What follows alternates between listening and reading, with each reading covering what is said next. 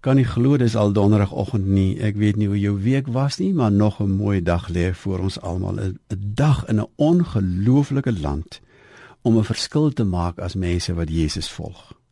Onthou nou wat is disippelskap? Wat is die vrug van die Gees? Dit is hoe ons by Jesus leer hoe leef 'n mens die lewe. Hy het ons voorgeleef en het dit deur die Heilige Gees in deur sy dood en opstanding vir ons moontlik gemaak. Vandag gaan dit nou daaroor die vrug van die Gees is vriendelikheid. Dit is 'n moeilike woord, nê? Nee? Want dit is amper dieselfde as die een wat volg waaroor ek nou vanaand iets gaan sê, goedheid of goedhartigheid. Vriendelikheid het te doen met 'n bepaalde, mag ek vir oomblik tog net 'n Engelse woordjie gebruik, gentleness. 'n soort van 'n sagtheid. Ehm um, die Engels gebruik selfs die woord sweetness daarvoor. Miskien is dit die beste om dit maar te verduidelik met wat Jesus eendag van homself gesê het: "Kom leer van my. My juk is sag." En daai woord sag is vriendelik. My juk is vriendelik. Wat beteken by my eh, kry jy eintlik nie seer nie. Die Jesus lewe mag moeilik wees en opdraande en uitdagend, maar hy skaaf jou nie.